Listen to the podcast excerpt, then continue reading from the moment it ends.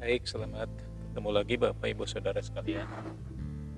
Kita lanjutkan materi perkuliahan kita setelah UTS. Walaupun belum saya periksa ya. Di masa pandemi Covid sekarang ini mungkin kreativitas untuk menyampaikan materi harus juga diupayakan oleh para pendidik atau pengajar Kenapa demikian? Karena yaitu tadi social distancing dan physical distancing itu. Tapi tidak apa-apa lah itu bukan masalah karena proses pembelajaran harus terus berjalan. Bahkan kalau Bapak Ibu tahu Socrates itu belajarnya tidak di ruang kelas, tapi di tangga misalnya gitu saya berharap kita semua masih semangat untuk proses pembelajaran di kampus kita ini dengan kondisi yang terbatas dan mudah-mudahan wabah ini cepat berlalu ya tidak berpanjang lebar kita akan bahas mengenai buku 3 KUH Perdata yang membahas tentang perikatan silahkan Bapak Ibu yang mempunyai literatur tentang perikatan khusus. Ada dari Profesor Purwahid Patrik ada dari uh, Profesor Mariam Darus Badruz Zaman. Guru-guru saya juga sampai sekarang masih digunakan. Jadi ini buku-buku standar. Ya di samping mungkin buku-buku lain yang membahas tentang perikatan yang agak mutakhir lah gitu ya. Artinya murid-murid beliau dulu sudah menyusun buku-buku lah kita awali dengan istilah dan pengertian dari perikatan. Jadi sejak zaman saya kuliah dulu, ini terdapat per, perbedaan-perbedaan namanya orang-orang pinter. Maka untuk adanya perbedaan ini kan harus diseragamkan supaya kita belajarnya juga seragam tapi sekedar diketahui bahwa untuk istilah perikatan sendiri sudah ada beberapa istilah. Nah, sekarang kita lihat dari istilah awalnya ya, bahwa perikatan ini merupakan terjemahan dari judul buku ketiga KUH Perdata atau BW ya Burgerlijk Wetboek. Ya, apa bahasa Belandanya? Bahasa Belandanya itu Verbintenissen Ini dari Belanda namanya Verbintenisen. Padahal kita tahu bahwa KUH Perdata atau BW ini juga merupakan hukum yang berasal dari Prancis. Prancis itu namanya bukan Verbintenisen tapi obligation. Kurang lebih mungkin begitulah bahasa Prancisnya. Dan juga Prancis ini berasal dari Romawi gitu. Di Romawi itu kan hukum perdata disebut dengan kodeks sipil. Nah istilah perbintenis ini dalam buku tiga KUH Perdata tersebut ternyata diterjemahkan berbeda-beda di dalam kepustakaan hukum. Yang sebutkan tadi. Sebagai contoh misalnya Profesor Sri Sudewi Maskun Sokwan itu menyebutkannya dengan atau menerjemahkannya dengan perutangan. Utang. Kemudian Profesor Subekti menerjemahkannya dengan perikatan. Demikian juga Mariam Darus Badru Zaman dan Satrio ya. Menerjemahkan perbintenis ini menjadi perikatan sehingga hingga dewasa ini sampai sekarang ini pada umumnya digunakan istilah yang seragam untuk verbit tenis itu ya diterjemahkannya dengan perikatan. Ini dari KUH Perdata.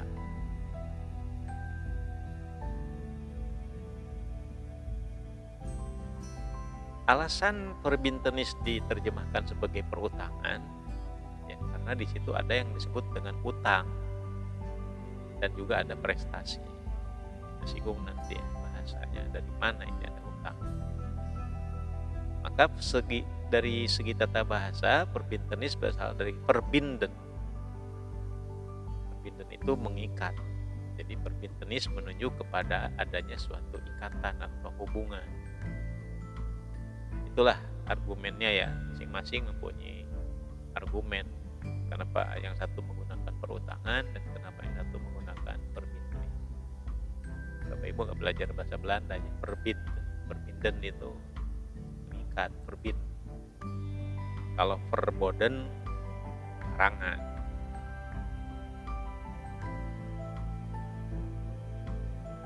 lanjut. Perikatan yang diatur dalam buku 3 KUH Perdata ini ya, ternyata di dalamnya tidak menyebutkan definisi, definisi yuridis atau tidak menyebutkan ketentuan apa itu perikatan atau apa itu perbintenis ya. Apakah ini karena lupa atau memang karena tidak ada? Bisa dikatakan mungkin ya lupa mungkin ya. Karena untuk beberapa ketentuan ada penjelasan terlebih dahulu. Boleh dilihat nanti kalau perjanjian ada. Perjanjian adalah diartikan bisa pasal 1313 atau pasal 1313 nah sedangkan perikatan tidak ada. Oleh karenanya bagaimana untuk mengetahui adanya suatu perikatan itu? Maka para pakar para sarjana itu berupaya merumuskan. Merumuskan apa? Merumuskan sesuatu yang menunjuk pada suatu perikatan. Sehingga lahirlah ya, pengertian berdasarkan doktrin. Kalau mau dilengkapi doktrin ini lengkapnya komunio opini doctorum. Jadi pendapat para pakar pendapat para ahli. Apa pengertiannya? Pengertiannya begini. Pengertian dari perikatan adalah hubungan hukum antara dua pihak di dalam lapangan hukum kekayaan. Pihak yang satu sebagai kreditur yang berhak atas prestasi dan pihak yang lain sebagai debitur yang berkewajiban untuk memenuhi prestasi. Nah, kalau dilihat dari pengertian ini ada kata-kata hubungan hukum hubungan hukum ini kan abstrak suatu hubungan itu kan abstrak nanti ada konkretnya apa konkretnya apakah diatur oleh undang-undang atau dituangkan di dalam perjanjian. Itu materi berikutnya nanti di dalam khusus untuk pembahasan hukum perikatan dan hukum kontrak dalam perkembangan. Sekarang ini saya umum saja dulu dasar-dasarnya. Ada lagi memberikan pengertian seperti Maryam Darus Badur Zaman memberikan pengertian bahwa perikatan adalah hubungan hukum. Ya, tidak lepas itu hubungan hukum. Yang terjadi antara dua orang atau lebih yang terletak dalam lapangan hukum kekayaan di mana di mana yang satu berhak atas prestasi dan pihak lainnya berkewajiban atas prestasi boleh dibandingkan antara doktrin yang pertama dengan pengertian yang dikemukakan oleh Maryam Darus Batur Zaman. Maryam Darus Batur Zaman itu ibu ya profesor guru besar Universitas Sumatera Utara. Kemudian menurut Profesor Subekti, ya, tadi komuni opini doktrum dulu ya. Nah ini dok, uh, ini dari masing-masing Sedangkan menurut Subekti, karena Subekti ini dengan Maria Darus sama mengartikan perbintenis ini sebagai perikatan, maka Subekti memberikan pengertian perikatan adalah suatu perhubungan hukum antara dua orang atau dua pihak berdasarkan mana pihak yang satu berhak menuntut suatu hal dari pihak yang lain dan pihak yang lain berkewajiban untuk memenuhi kewajiban itu. Sepertinya sama ya. Tapi kalau Bapak Ibu Saudara nanti bandingkan sangat terlihat sekali perbedaan. Nah, inilah uh, para ahli ya. Uh, pakar Bu Mariam Darus ini guru besar hukum perdata. Kemudian Profesor Bekti juga guru besar hukum perdata bahkan hukum acara perdata. Sedangkan menurut Satrio perikatan adalah hubungan hukum dalam lapangan hukum harta dalam hukum kekayaan antara dua pihak. Pada pihak yang satu ada hak dan pada pihak yang lain ada kewajiban. Begitu. Kalau dilihat yang satrio ini tidak nyebut ada disebut sebagai prestasi, gitu. nah, tidak disebutkan spesifik. Tapi tentu di dalamnya ada prestasi itu. Ketika ada hak, hak atas apa, dan ketika ada kewajiban, kewajiban dalam bentuk apa, itu disebut prestasi. Nah, ketika saya menjelaskan ini, Bapak Ibu nanti juga dilihat di dalam KUH perdatanya, ya, dimulai dari pasal 1233 ya. Kemudian ketentuan umum, gitu, nanti baru masuk ke perjanjian. Kita lanjut. Dari definisi-definisi tadi maka dapat kita lah e, tarik unsur-unsurnya apa. Sehingga unsur-unsur ini harus ada. Harus ada dan ini menjadi indikasi adanya suatu perikatan itu perikatan dalam yang hukum ya. satu harus ada hubungan. Bahkan hubungan ini merupakan hubungan hukum kita tahu bahwa hubungan ini atau interaksi antara manusia sebagai makhluk yang bersosialisasi kan tidak hanya berperhubungan hukum saja. Ada hubungan sosial ada hubungan politik ada hubungan agama dan sebagainya. Kurang lebih begitu. Sehingga dalam kaitan dengan perikatan ini maka hubungan ini harus merupakan hubungan hukum apa itu hubungan hukum boleh Bapak Ibu baca lagi lagi. Dalam pihaknya hukumnya. Hubungan hukum adalah suatu hubungan yang mengakibatkan akibat hukum. Hubungan di sini mengatur hubungan para pihak dengan ya, antara para pihak. Karena ada hubungan hukum di situ maka memunculkan adanya akibat artinya bahwa hak dan kewajiban akan muncul dari hubungan itu. Untuk pelaksanaan kewajiban itu, maka jika perlu, para pihak dapat memintakan bantuan hukum. Bantuan hukum uh, untuk menuntut maksudnya begitu.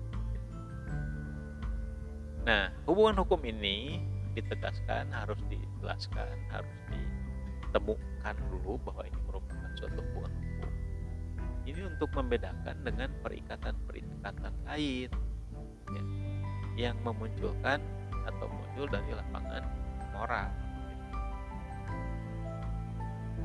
Tentu hubungan hukum harus ada. Kemudian ada dua pihak atau dua segi.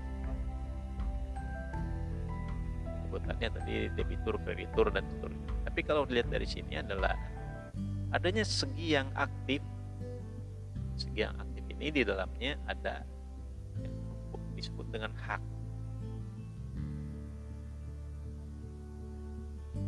Aktif eh, aktif kan eh, nuntut hak aktif. Misalnya hak tagihan atas suatu prestasi maka orang yang punya tagihan di sana disebut dengan kreditur itu segi yang aktif. Kemudian segi yang pasif nah, pada segi yang pasif ini ada kewajiban. Kewajiban apa? Kewajiban untuk berprestasi. Nah, yang berkewajiban di sini yang berkewajiban untuk berprestasi ini disebut dengan debitur. Ada dua pihak atau segi dua segi Dalam kaitan dengan hukum perikatan, maka hubungan hukum itu mengatur hubungan hukum antara kreditur dengan debitur. Hubungan hukum antara sedia aktif dan sedia pasif. Kalau dari segi yang aktif, kapan dia harus bisa menuntut dan bagi dari segi yang pasif, kapan dia harus memenuhi kewajiban. Unsur yang ketiga dari pengertian hukum perikatan itu dalam lapangan hukum kekayaan. Dalam lapangan hukum harta kekayaan. Di awal kuliah kita sudah bahas bahwa hukum perdata itu ada sistematikanya berdasarkan KUH perdata atau BW dan berdasarkan ilmu pengetahuan. Coba nanti dicek lagi. Jadi seolah-olah kalau berdasarkan e, eh, BW maka ketika bicara perikatan hanya melulu di dalam buku tiga saja. Tapi kalau berdasarkan ilmu pengetahuan tidak. Hukum pedagang kekayaan itu bahkan hukum yang tersendiri kan gitu. baik kenapa di dalam lapangan hukum harta kekayaan? Pertama, perikatan itu merupakan bagian dari hukum kekayaan, ya. merupakan bagian dari hukum kekayaan, yaitu hukum yang mengatur hak-hak kekayaan. Apa itu? Yaitu hak dan kewajiban yang mempunyai nilai ekonomis. Dengan kata lain, jika kewajiban tidak dipenuhi, maka kreditur mendapat penggantian kerugian yang dapat dihitung dengan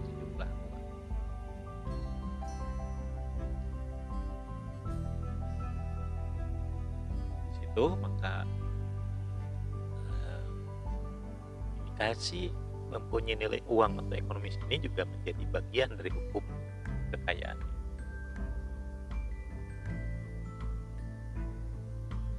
Nah, apakah unsur bahwa hak dan kewajiban ini harus mempunyai nilai uang yang sama?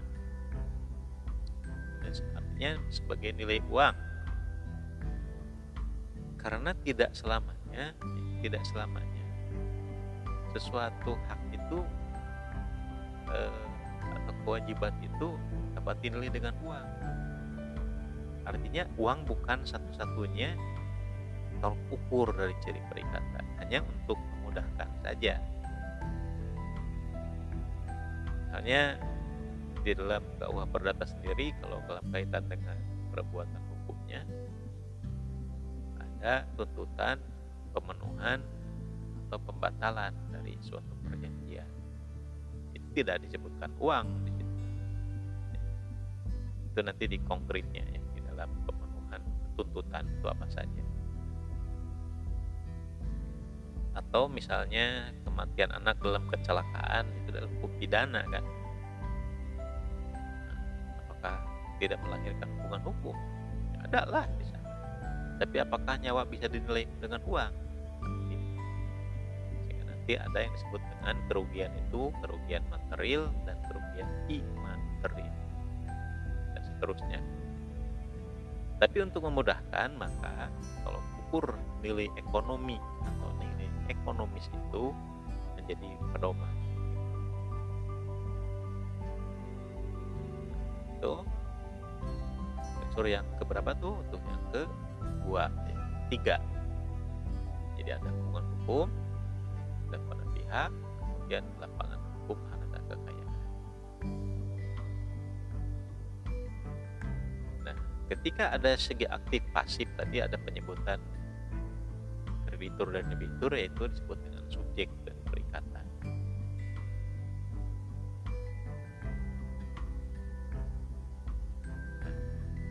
Lanjut bahwa bagaimana ketentuannya dengan kreditur dan bagaimana ketentuannya dengan debit.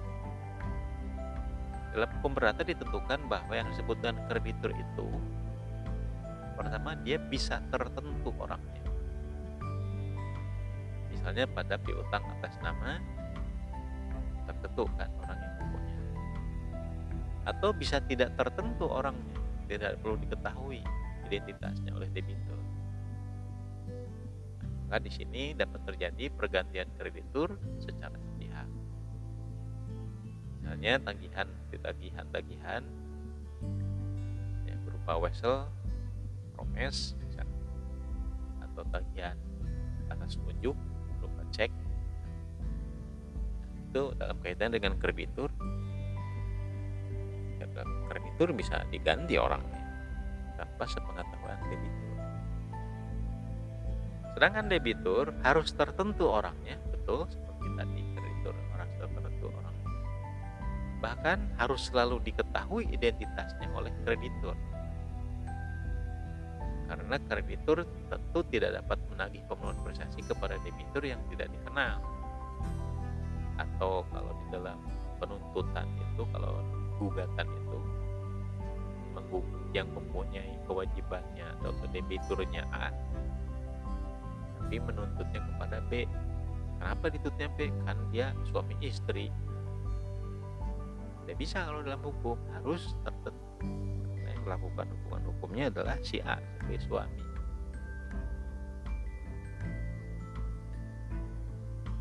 Maka di sini ada asas dalam kaitan dengan kewajiban perikatan itu ya, bahwa kewajiban perikatan hanya bisa dialihkan dengan persetujuan kreditur.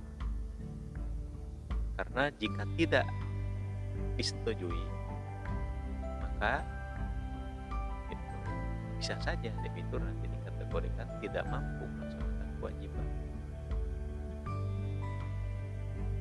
Debitur ya seterusnya. Saya persingkat saja. Sedangkan segi aktiva dari perikatan itu macam-macam. Atau yang disebut dengan prestasi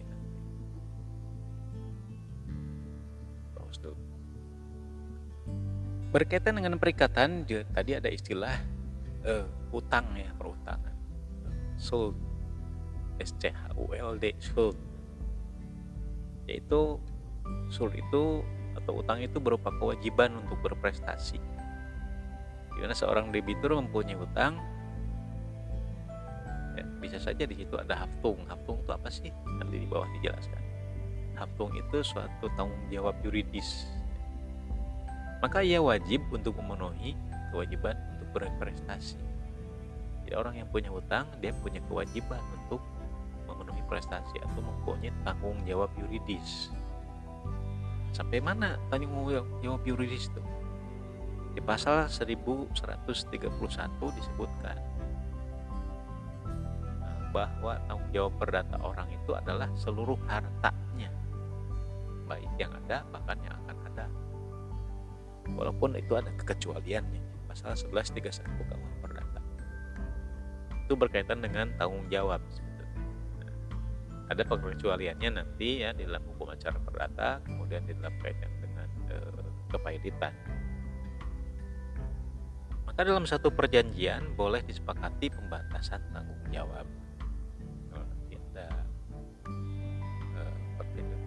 membuat suatu perjanjian ya perjanjian yang apa silahkan tapi di situ ada pembatasan tanggung jawab sebatas mana tanggung jawab yuridisnya Nah, tadi saya sebut ada hutang dan haftung. Hutang itu schuld.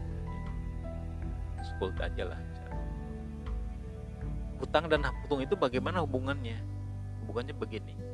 Pada umumnya, hutang dan haftung itu berkumpul pada satu orang yang sama. Kalau ada orang minjem, maka dia tak bertanggung jawab untuk uh, membayarkan begitu. Pada umumnya begitu tapi ternyata dalam perkembangannya dalam prakteknya bisa terjadi hal-hal yang insidentil kan misalnya ada orang punya hutang tapi tidak punya haftung misalkan dalam perikatan alamiah ya. perikatan alamiah itu seperti apa sih bukan hibah ya kalau hibah kan mau memberikan gitu. kalau perikatan alamiah itu perikatan-perikatan uh, yang dilahirkan yang tidak melahirkan tanggung jawab. Secara yuridis tidak ada tanggung jawab. Dari judi itu karena perbuatannya saja sudah dilarang. Kedua orang punya haftung dibebani tanggung jawab tapi dia tidak punya hutang sebenarnya dia ada kewajiban. Tidak ada tanggung jawab yuridis ada tanggung jawab hukum pada tapi dia tidak punya hutang tidak ada hubungan hukum. Yang bersangkutan awal. Misalnya apa? Misalnya pihak ketiga yang memberikan jaminan kebenaran pihak ketiga atau workshop. Kuncinya adalah tidak mungkin ada haftung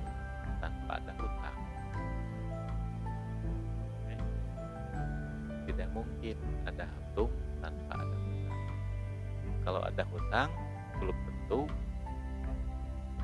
hutangnya pada orang yang berhutang. Karena hutang bisa saja berada pada orang yang tidak punya hutang. Pihak ketiga.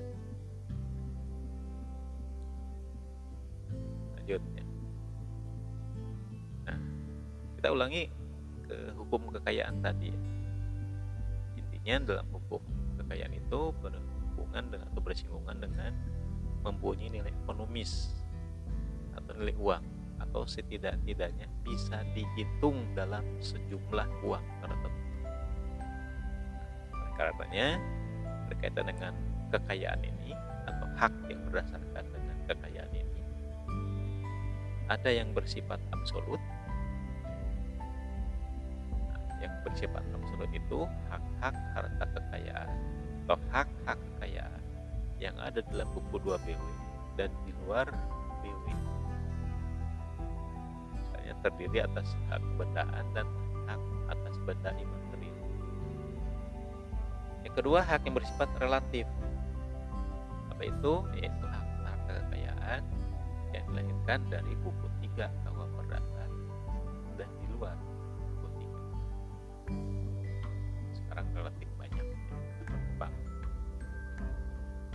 Maka di sini pembicaraan kita adalah tentang perikatan sebagai yang diatur dalam buku 3 KUH Perdata BW.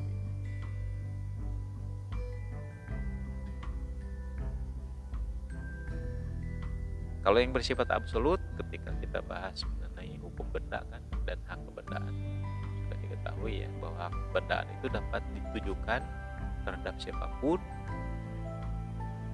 mempunyai sifat droit de mengikuti hak itu beralih.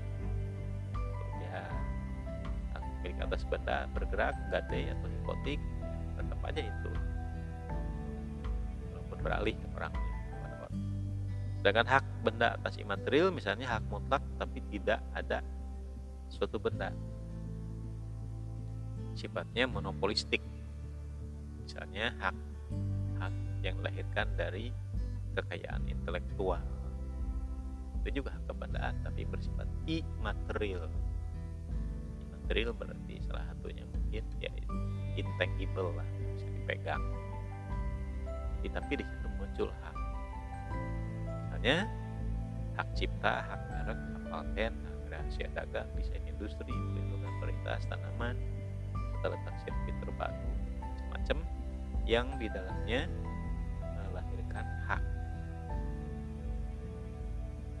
buktinya dengan apa ya? Bisa sertifikat sedangkan yang relatif yaitu hak-hak yang ditujukan kepada orang tertentu. Kepada orang tertentu. Atau yang sedang kita bahas ini merikatkan hak yang bisa ditujukan pada orang tertentu saja bisa maka hanya untuk tertentu saja orang Jadi hak-hak yang relatif itu pada umumnya adalah hak-hak yang muncul dari perikatan sebagaimana diatur dalam buku 3 KUH Perdata.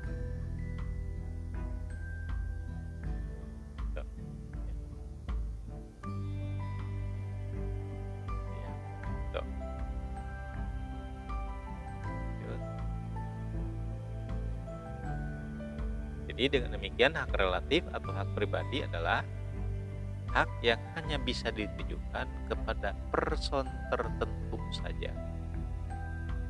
Yang berupa hak untuk menuntut pemenuhan. Pemenuhan apa tadi? Pemenuhan perikatan berupa prestasi terhadap orang tertentu saja.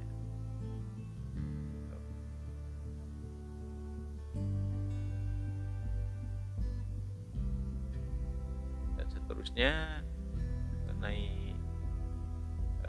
kekayaan ini atau hak kekayaan ini banyak variasinya saat ini Nah, berkaitan dengan unsur kekayaan tadi yang dihitung dengan sejumlah nilai uang.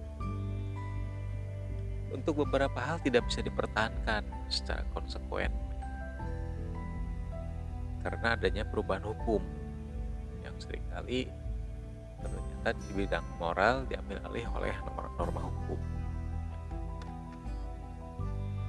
Dalam hukum Romawi dan abad pertengahan sistem hukum perjanjian ini menganut sistem tertutup mirip-mirip sistem yang dianut oleh buku dua kawah perdata sistem tertutup juga nah, jadi pada awal mulanya pada awal pertengahan hukum Romawi ini hukum perjanjian yang merupakan bagian dari hukum perikatan itu menganut sistem yang tertutup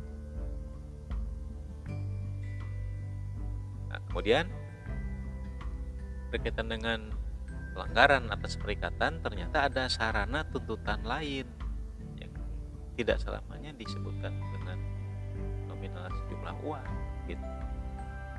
Ada sarana tuntutan lain misalnya eh, menuntut pemenuhan atau pembatalan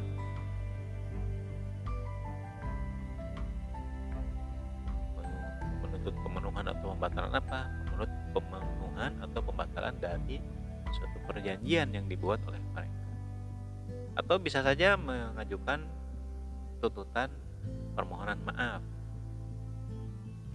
Ya, atau pemulihan nama baik.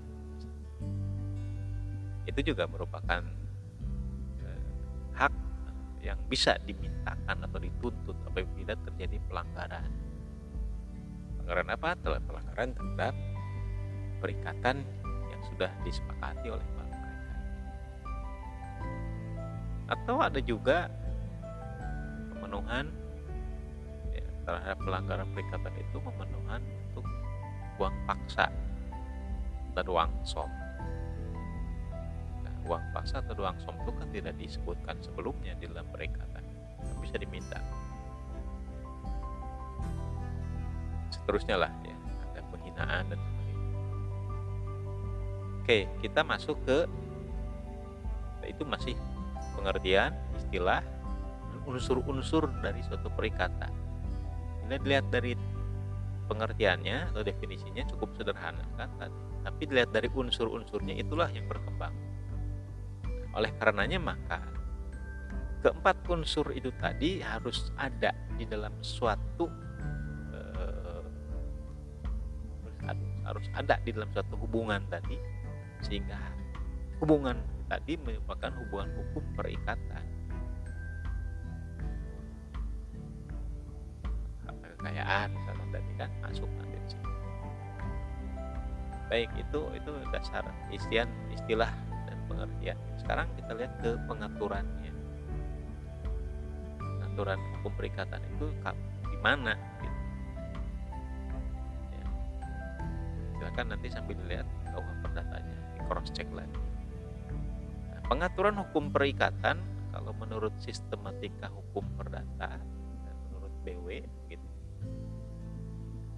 Maka setidak-tidaknya terletak di dalam buku 3 yang terbagi menjadi 18 bab. Bab detail. Bab 1 dari mulai pasal 1233 sampai 1312 menjelaskan atau mengatur ya kalau peraturan itu mengatur mengatur mengenai perikatan pada umumnya. Jadi di situlah dasar-dasar atau pokok-pokok yang dasar dari perikatan. Kemudian bab 2 dimulai dari pasal 1313 sampai dengan 1351 ini mengatur mengenai perikatan perikatan apa? Perikatan yang lahir dari perjanjian. 13 13 13 lanjut bab tiganya. Bab tiganya mengatur ya, perikatan-perikatan yang lahir dari undang-undang. Pasal cukup 1352 sampai 1380 mengatur perikatan-perikatan yang lahir dari undang-undang. Dia ada penjelasannya ya. Lalu bab 4, bab 4 dimulai dari pasal 1381 sampai dengan pasal 1456. Itu mengatur tentang hapusnya perikatan. Nah, inilah yang menjadi dasar atau pokok-pokok yang dasar dari hukum perikatan. Sedangkan secara keseluruhan buku 3 itu, secara keseluruhan buku 3 dengan judul tentang perikatan, maka bab 5 sampai bab 18 ya, bab 5 sampai bab 18 bahkan ditambah yang baru di sana ada bab 7a itu mengatur secara khusus tentang perjanjian perjanjian-perjanjian khusus. Sedikit juga disebut dengan perjanjian bernama. Oke, Bapak Ibu Saudara nanti lihat satu bab 2, bab 3, bab 4, bab 5 dari KUH Perdata ya. Bab 5 sampai dengan bab 18 itu 7A. Kalau mengatur mengenai perikatannya sendiri sampai dengan bab 4. Jalan Jadi dari mulai pasal 1233 sampai dengan 1456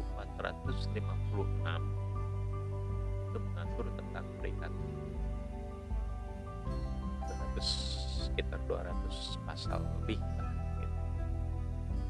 nah ini dasar,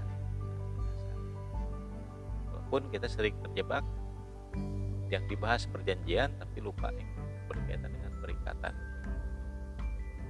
dalam perjanjian itu salah satu sumber dari perikatan konkretisasi dari hukum perikatan yang sifatnya abstrak konkretkan dengan perjanjian. Yang di dalam KUH Perdata BW itu disebutnya sebagai perjanjian khusus atau perjanjian bernama. Ada berapa macam? Ada berapa belas? Yang disebutkan perjanjian ber, perjanjian bernama. Itulah yang banyak dibahas juga di dalam prakteknya bab 1 sampai bab 4 ini umumnya merupakan ketentuan umum ya. bab 1 sampai dengan bab 4 merupakan ketentuan-ketentuan umum ketentuan umum apa? Ketentuan umum berkaitan dengan perikatan. Sedangkan bab 5 sampai dengan bab 18 ditambah bab 7 merupakan ketentuan-ketentuan khusus. Tadi kan bicara perjanjian ya. Perjanjian khusus spesifik. Maka di sini ketentuan umum memuat peraturan yang berlaku untuk semua perikatan. Perikatan apa? Perikatan baik yang lahir karena perjanjian begitu maupun yang secara khusus diatur yang bernama maupun yang tidak diatur secara khusus dalam KUH Perdata jadi jika diatur secara khusus di dalam perjanjian maka ketentuan umum itu tidak berlaku lagi. Ulangi, mana yang berupa ketentuan umum dan mana yang berupa ketentuan bila ada dua ketentuan yang mengatur yang satu bersifat khusus yang satu bersifat umum maka berlakulah prinsip lex specialis derogat lex generalis. Hal apa yang berkaitan dengan bagaimana misalnya lahir dari perikatan itu? Bagaimana hapusnya perikatan? Kemudian macam-macam perikatan apa saja? Itu kan berlaku. Ada ketentuan. Atau para pihak menentukan bagaimana lahirnya dan hapusnya perikatan Sedangkan bagian khusus memuat peraturan tentang perjanjian. Nah ini yang banyak di jadikan karya tulis ya, langsung perjanjiannya saja. Wajar karena di situ ada kan buktinya. Padahal dalam perjanjiannya sendiri tidak semuanya perjanjian harus tertulis. Gitu. Pada bagian khusus ini memuat peraturan tentang perjanjian yang banyak dipakai dalam masyarakat dan sudah punya nama-nama tertentu sehingga disebut dengan perjanjian bernama.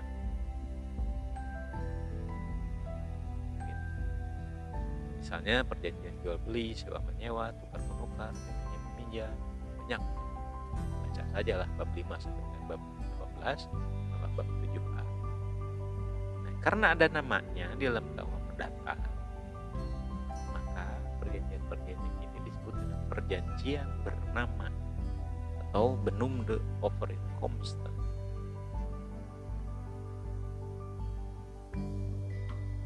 Nah, lanjut ya. Di dalam buku perikatan itu menganut sistem terbuka.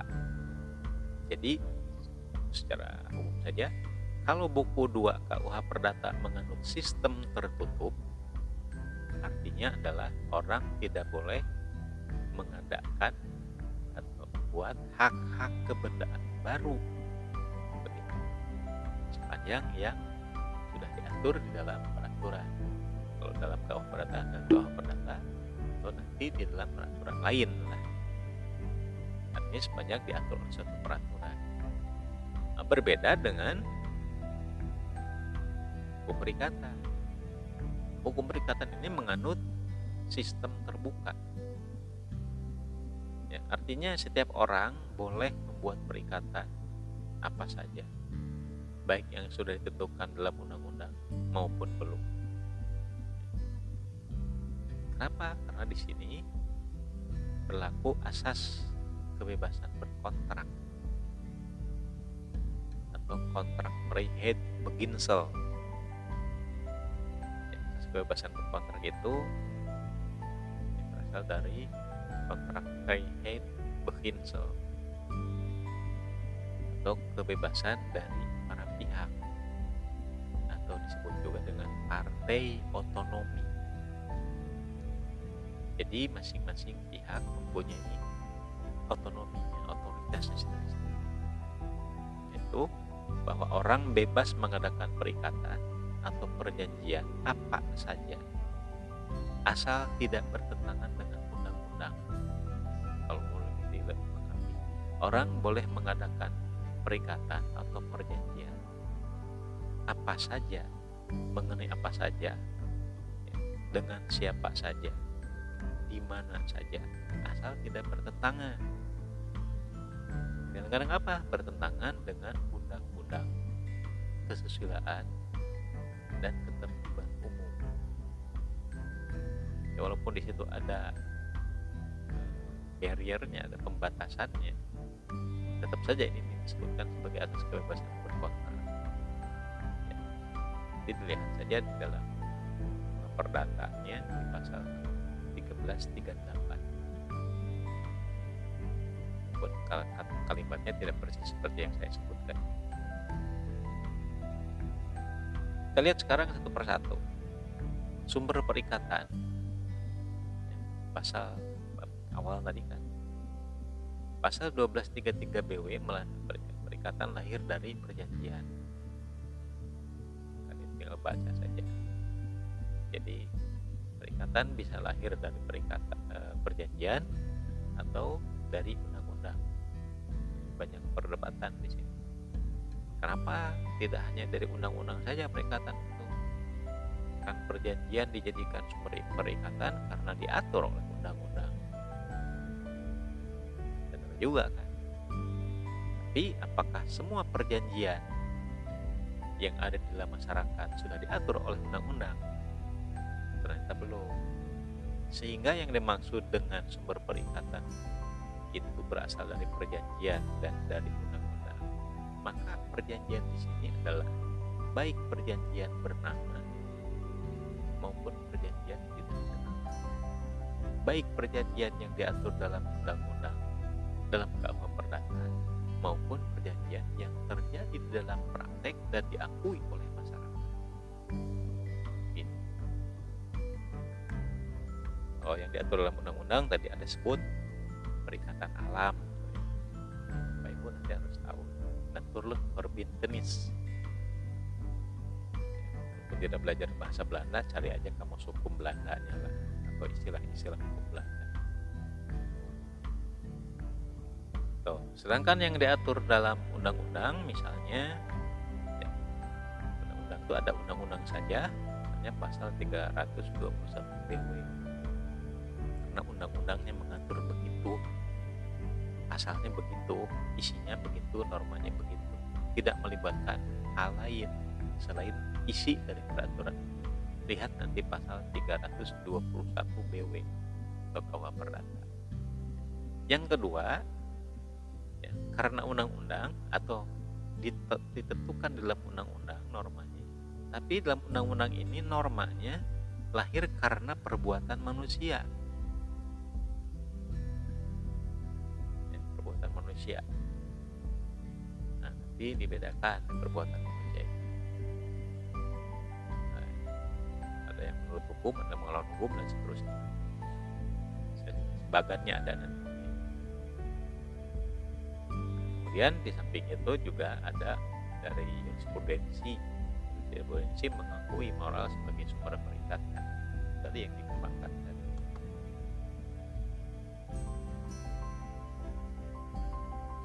Lanjut eh, pembahasan perikatan ini sangat jarang di lanjut eh, jenis perikatan sekarang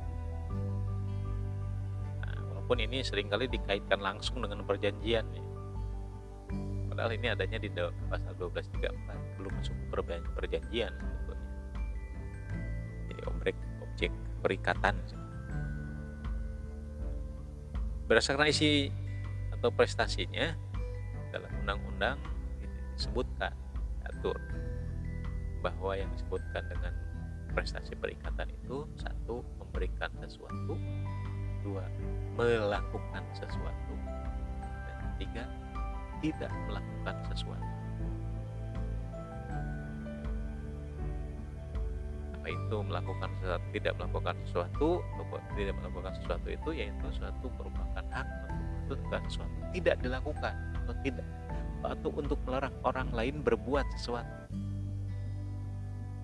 Tidak boleh membunyikan. Televisi keras-keras dari jam berapa? Nah itu prestasinya. Tidak boleh membunyikan ya. kalau yang kos misalnya.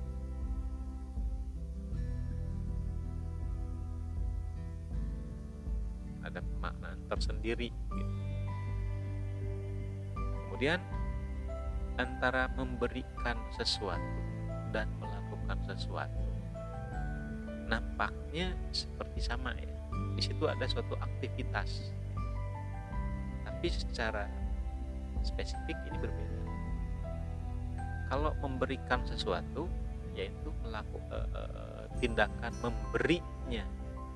Memberi apa? Memberikan sesuatu yang dijadikan uh, tujuan misalnya membeli. Jual.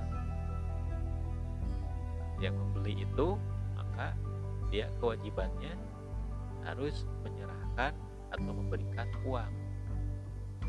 Yang membeli ya. Sedangkan yang menjual harus menyerahkan barang. Nah ini kategorinya memberikan sesuatu. Sedangkan melakukan sesuatu adalah melakukan sesuatu yang berdasarkan keahlian dari pihak yang mengadakan hubungan dekatan tadi. Misalkan melukis. Mungkin semua orang bisa melukis. Kalau yang dituju adalah lukisannya maka semua orang bisa melakukan. Tapi ketika melakukan sesuatu hanya khusus oleh orang tersebut tidak semata-mata lukisan yang dikehendaki, tapi orang tersebut yang melakukan atau menyanyi. Ya. Ada beberapa penyanyi yang mirip suaranya.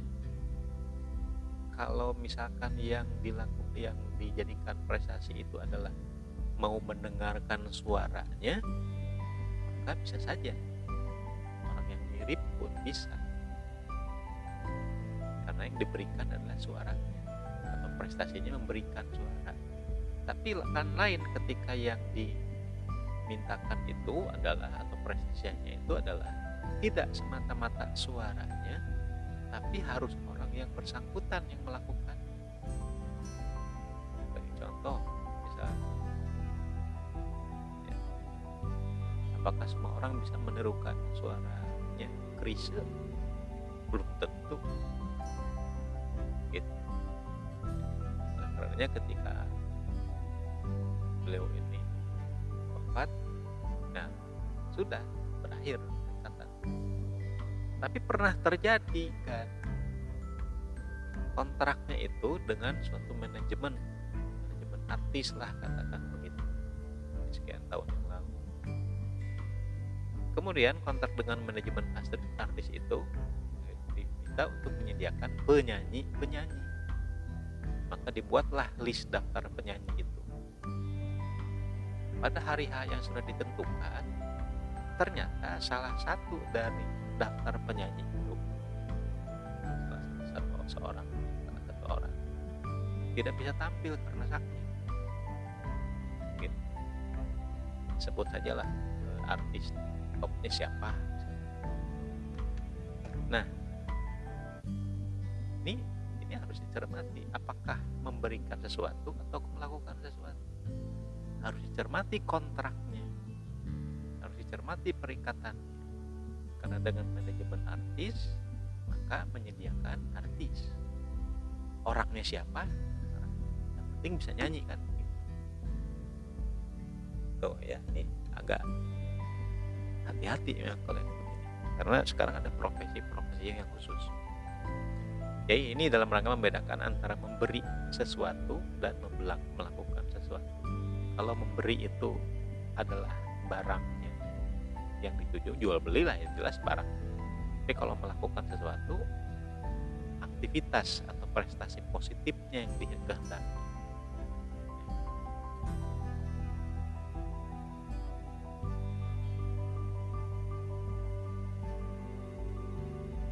sini nanti dalam prakteknya banyak permasalahan-permasalahan ya, si contoh lain misalnya sekarang perikatannya untuk memberikan sesuatu kalau memberikan sesuatu maka hal yang dilakukannya adalah menyerahkan barang menyerahkan uang ya. Jadi kalau misalkan memberikan itu sebagai suatu kualifikasi dari prestasi maka kata kerjanya ya, kata kerja dari kualifikasi memberi itu itu menyerahkan bayar ya, melakukan.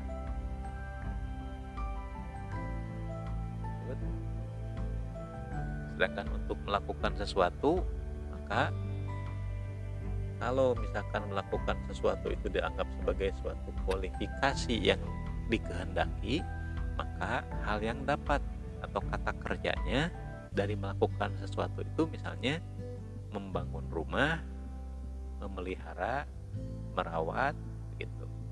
Terus mengangkut barang mengangkutnya tadi itu eh, melakukan sesuatu atau melukis tadi. Lalu lalu perikatan untuk tidak melakukan sesuatu wujudnya bisa misalnya begini membiarkan air limbah hujan melewati pekarangan yang lebih rendah. Biarkan aja wujudnya seperti itu. Artinya tidak melakukan sesuatu. Ketika air limbah air itu kan harusnya turun terus kan. Nah, kemudian tiba-tiba dibendung lah misalkan berarti dia di situ ada suatu suatu perbuatan yang tidak sewajar atau tidak melakukan pekerjaan-pekerjaan tertentu. Tidak membocorkan rahasia perusahaan. Ya, misalkan menerima pegawai menerima kerja itu ada pernyataan ketika nanti orang tersebut keluar terus membocorkan nah itu bermasalah. Jadi simpelnya gini. Bila prestasi perikatan memberikan sesuatu dan melakukan sesuatu menghendaki sifat aktif dari para pihaknya. Kenapa saya sebut para pihak? Karena bisa bertimbal balik kan. Maka prestasi perikatan tidak melakukan sesuatu menghendaki sifat pasif. Sifat pasif dari para pihak. Tidak melakukan sesuatu yang sudah disepakati